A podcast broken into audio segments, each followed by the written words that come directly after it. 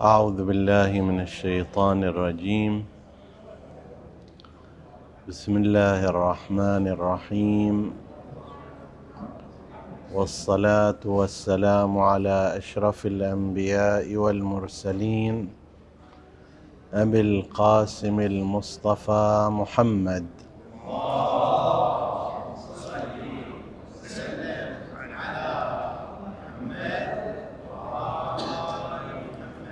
وعلى أهل بيته الطيبين الطاهرين المعصومين المكرمين. السلام عليكم أيها الإخوة المؤمنون أيتها الأخوات المؤمنات ورحمة الله وبركاته.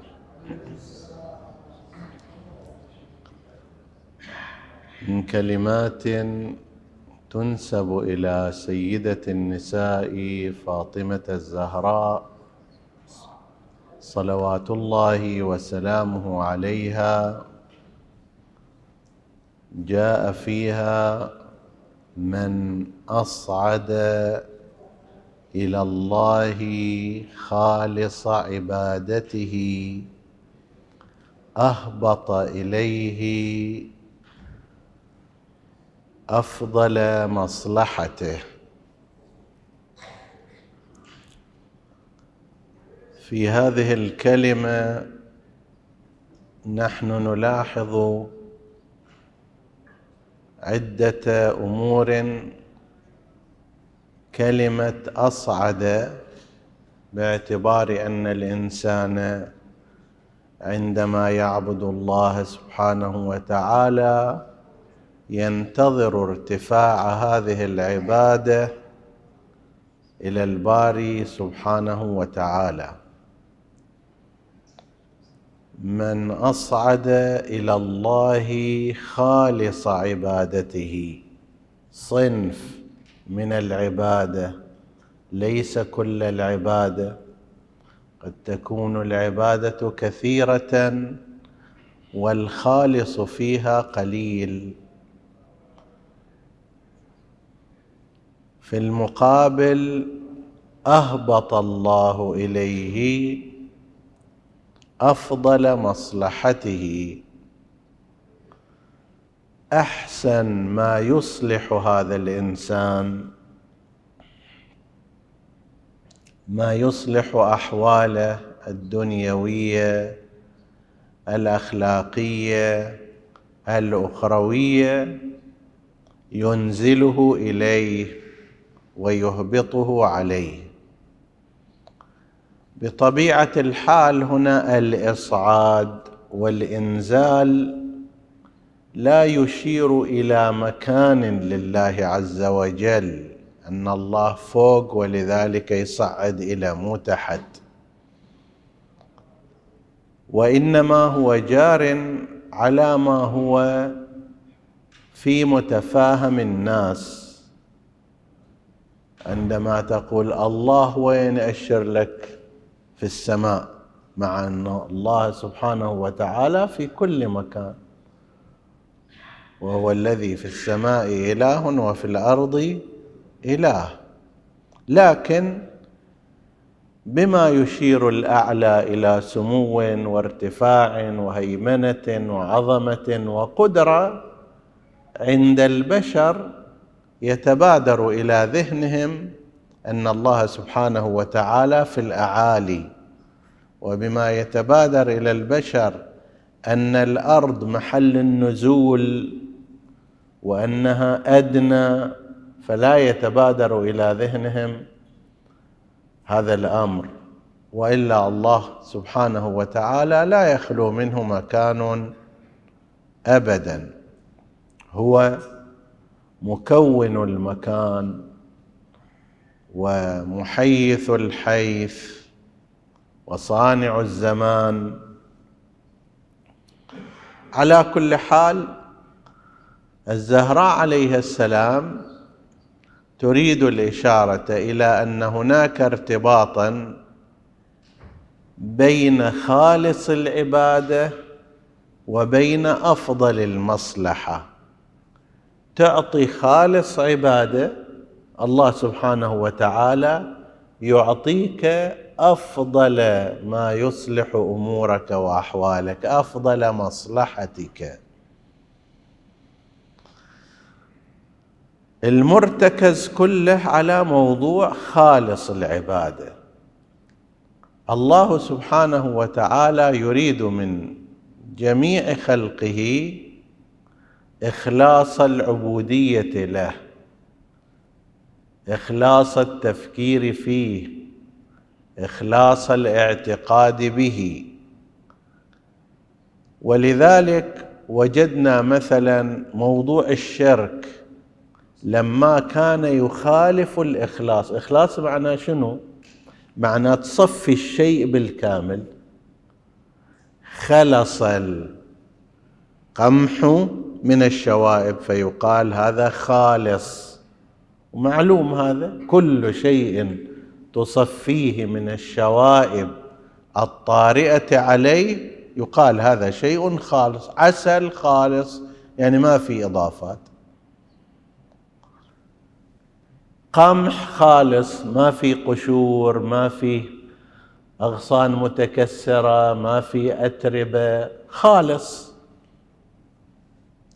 الله سبحانه وتعالى يريد منا شيئا خالصا. لذلك إذا تخلي فيه شيء لا سمح الله معه لا يقبل لا في العقيدة ولا في العبادة. في العقيدة يقول لك هذا إذا تخلي بجنبه أحد مهما كان ذلك الأحد نبي وصي تخليه بصف الله هذا شرك. هذا ليس توحيدا خالصا. الله سبحانه وتعالى يريد التوحيد الخالص. لا إله إلا هو لا معبود إلا هو لا حول إلا به لا قوة إلا به. أي تلاحظ في مثل هذه الأذكار يقولون هي بين النفي والإثبات. لا حول إلا بالله. لا قوة إلا بالله. لا شيء إلا بالله. وهكذا.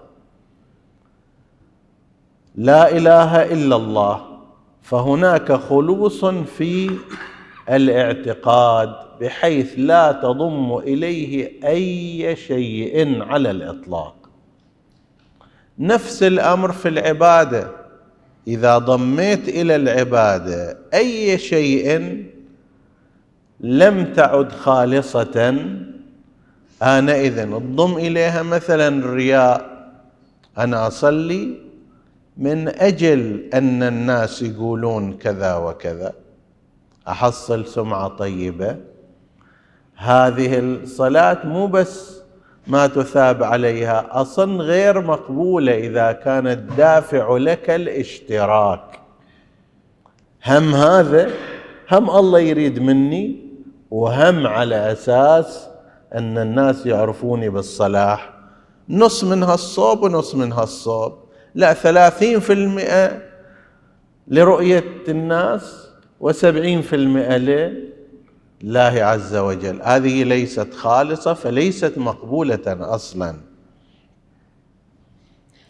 كذلك فيما يرتبط أيضا بالفلسفة الحياتية.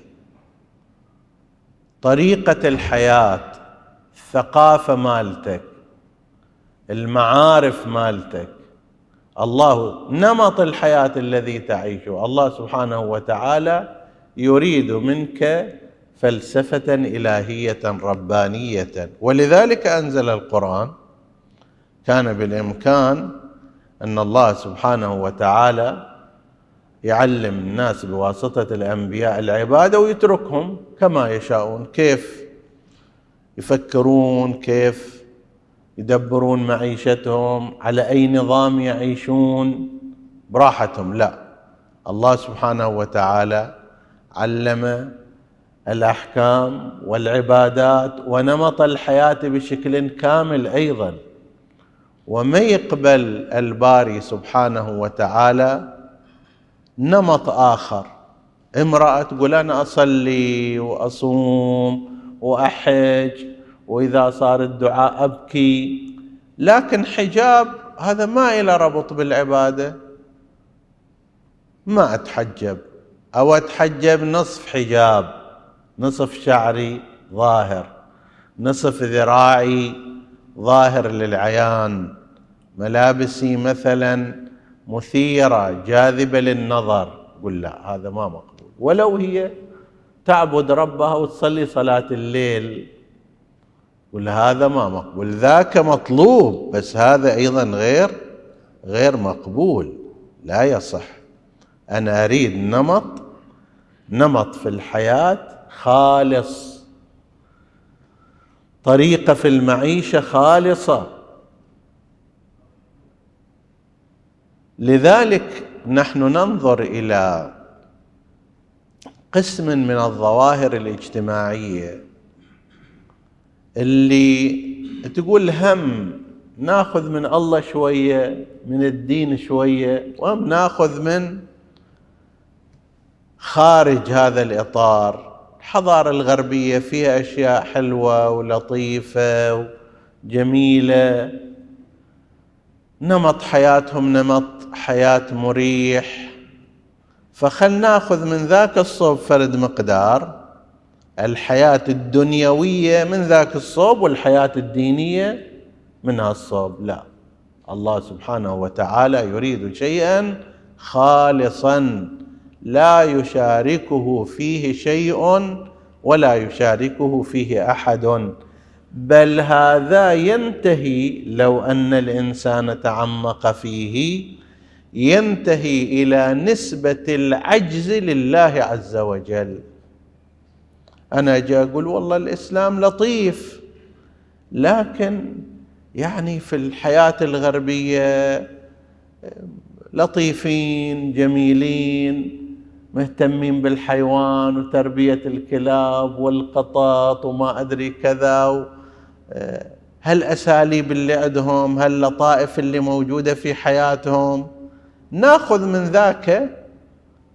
الإنسان مطلوب أن يأخذ كل شيء حسن من كل مكان فناخذ من عندهم هالأشياء هذه.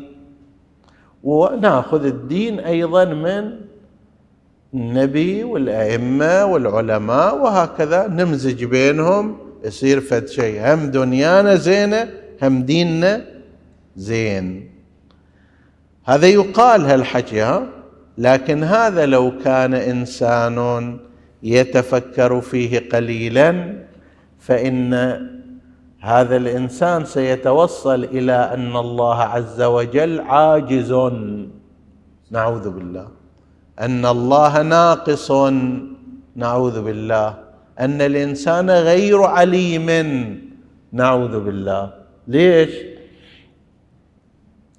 لأنك إذا أنت استوردت منهج آخر نمط حياة ثاني أسلوب آخر في الحياة تعتقد أنه أفضل مما قرره الله عز وجل. فمعنى ذلك إما أن الله لم يكن منتبها وملتفتا إلى هذه الأساليب أو أنه كان عاجزا عن الأمر بها غيره من البشر إجا ورتبها وسواها ونظمها كحياة. طيب فاذا ذاك البشر أفهم من الخالق نعوذ بالله. ذاك البشر أذكى من الرب. ذاك البشر أحكم أكثر حكمة أكثر خبرة من الله لأنه قدر أن يكتشف وسائل وطرق وأساليب في الحياة ما موجودة عندنا في الدين والله ما أنزلها.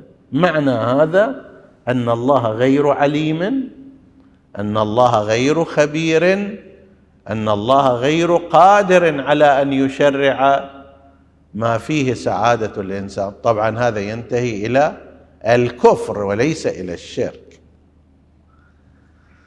اجتماع هذه الأمور هم أريد هذا وهم أريد هذا؟ لا الله يقول صبغة الله. صبغة الله. أنا أريد من عندك صبغة مالتي نمط الحياة برنامج الذي قررته طيب. المسألة أيضا أن تلك الأساليب وتلك الأشكال وتلك الأمور التي هي خارج الدائرة الإلهية ما تتفكك. لما الغرب رفض الحجاب هذا ضمن فلسفة. لما الغرب رفض التقيد بأحكام الدين هذا ضمن فلسفة. ضمن فكرة ضمن أسلوب حياة. مو هكذا مجرد. حتى أنت تجي تقول لا أنا آخذ هالمقدار وأمشي فيه. ما تنفك هذه الممارسة عن تلك الفلسفة.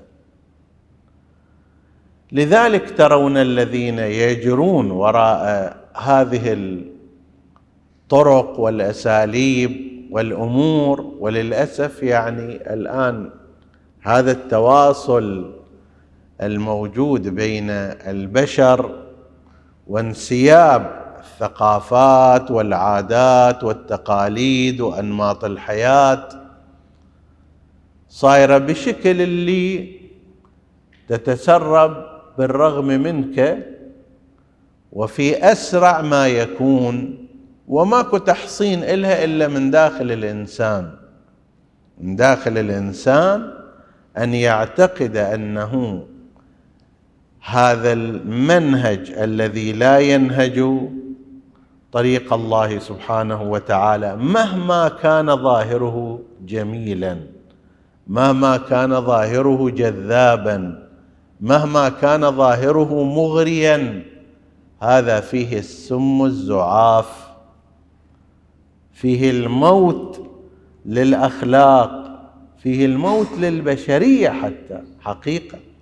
الآن الأحداث التي نشهدها في عالمنا الإسلامي والهجوم الذي قام به الغرب الكافر وليس فقط دولة فعلا أظهر ما كان خافيا.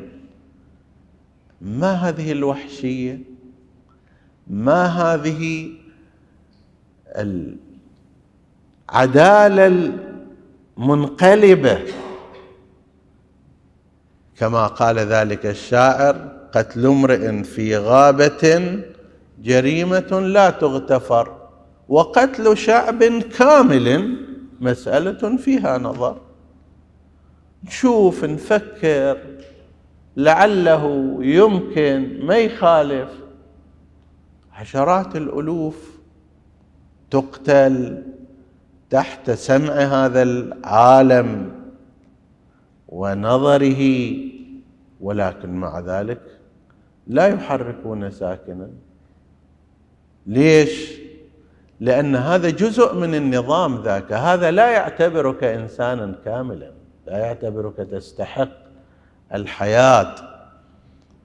يمكن يضحك بوجهك يمكن يستفيد من مالك يمكن يستفيد من اقتصادك يمكن لكن أنت تبقى بالنسبة إليه في الدرجة الثالثة والرابعة من مقياس البشر. هذا نظام. تتصور أنه بس آخذ منه مثلا بعض الأشياء الظاهرية الغناء آخذ منه الموسيقى آخذ منه عدم الحجاب آخذ منه الاختلاط آخذ منه كذا كذا هذه أشياء بسيطة. لا هذه جزء من فلسفة. أنت لابد إذا أخذت هذه لازم راح تؤمن باللي بعدها. وتؤمن بما ذكرناه قبل قليل بأنك ستصل من حيث تدري أو لا تدري أن هناك نظاما غير نظام الله عز وجل.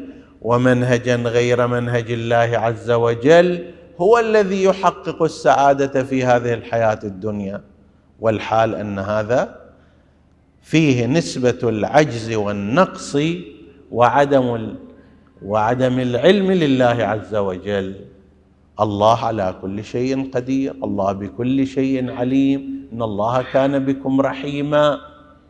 عليما حكيما. فهو لا ينهج لكم ولا يشرع لكم أيها البشر إلا ما فيه سعادتكم الدنيوية والأخروية. سيدتنا الزهراء صلوات الله وسلامه عليها تقول الإنسان المؤمن ينبغي أن يصعد إلى ربه أفضل عبادته خالص عبادته. واضح أن الإنسان تمر عليه أحوال وساعات ولحظات بين أن تكون عبادته عباده, فتور وبين أن تكون عبادته عبادة نشاط. بين أن تكون خالصة مئة في المئة وبين أن يكون فيها بعض الشوائب. لعله أنتم هذا لا تجدونه يعني دائما إن شاء الله في حالة نشاط وإخلاص و لكن مثلي وأمثالي تمر عليها الشكل حالات فدي يوم يكون مقبل على العبادة بشكل قوي وقلبه خاشع جدا ويوم آخر ساهي ولاهي. يوم من الأيام يبكي من خشية الله ويوم ابدا لا لا تتحرك فيه شعرة.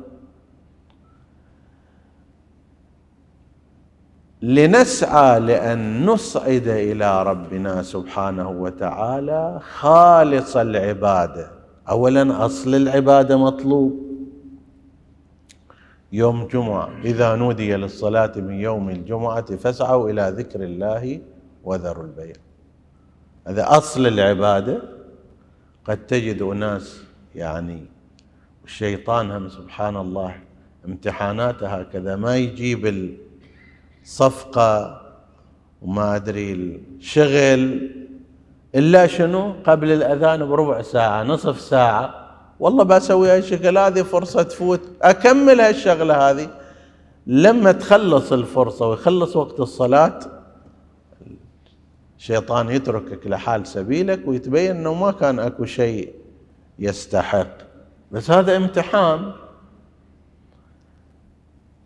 في يوم الجمعة هكذا في سائر الأيام أول الوقت نفس الشيء. ما أدري إذا واحد ملاحظ نفسه أو لا. كثيرا ما تأتي المكالمة ويا وقت الأذان قبل وقت الأذان. وإحنا من المشايخ مبتلين بهذا الأمر لعله يعني اتصال. الآن يبغى مسألة شرعية. الآن عنده استخارة. وقت الصلاة قبل الصلاة. أول الوقت. وعامة الناس أيضا نفس الشيء. واحد مر عليه وقت الصلاة. خلينا ربع ساعة بعد نأخر الصلاة. نصف ساعة نأخرها ما يخالف شكوا بها الوقت طويل بس هي تبدأ من هكذا. فأصل العبادة ثم الزهراء تقول مو فقط أصل العبادة هذا مفروغ منه من المؤمنين إن شاء الله ولكن خالصة عبادتي. من أصعد إلى الله خالص عبادته تلك العبادة اللي مئة في المئة متوجه فيها إلى الله عز وجل. الدعاء اللي فعلا يعني يتقطع في داخله من خشية الله سبحانه وتعالى ومن توجهه إليه. هكذا من أصعد إلى الله خالص عبادته أهبط إليه أفضل مصلحته. انت من الممكن أن الله يصلح حالك بشيء عادي. هل وجع اللي عندك يزيله؟ مرة أفضل ما يصلحك يجعل بدنك محصنا تجاه ذلك المرض إلى المستقبل. أن يشفيك الآن من هذا المرض هذه مرحلة. بس أن يجعلك محصنا دائما من هذا المرض لا هذا أفضل ما يصلحك هو أن يجعل بدنك محصنا. أن يرفع حاجتك المادية. الآن بمقدار من المال يأتي إليك. هذا الشيء زين يصلح أحوالي المادية. وبين أن لا يطرح البركة في مالك بحيث حتى لو كان مالك قليل مالك حتى لو كان قليلا تجد فيه السعة والبركة ولا تحتاج بعد ذلك. إخلاص العبادة وإصعاد خالص العبادة كما تقول الزهراء عليها السلام له نتيجة نتائج كثيرة طبعا. في الآخرة نتائج كثيرة لكن نتائج في هذه الدنيا أهبط الله إليه أفضل مصلحته. أحسن شيء يصلح هذا الإنسان في صحته في نفسه في أسرته. ولده عنده مشكلة شوية طالع يمين وشمال وما شابه ذلك. بين الآن ينقذه من هال الورطة اللي هو فيها ومن هالشله الفاسدة من الأصدقاء وبين أنه لا يوجه قلبه إلى الله إلى آخر عمره. هذا أفضل ما يصلحه وأفضل مصلحته. نسأل الله سبحانه وتعالى بحق الصديقة الطاهرة فاطمة الزهراء صلوات الله وسلامه عليها ونتوسل بها إليه أن يوفقنا لأن نعبد الله حق عبادته وأن نصعد إليه خالص عباداتنا وأن يتفضل علينا بأن ينزل علينا أفضل ما يصلحنا إنه على كل شيء قدير وصلى الله على سيدنا محمد وآله الطاهرين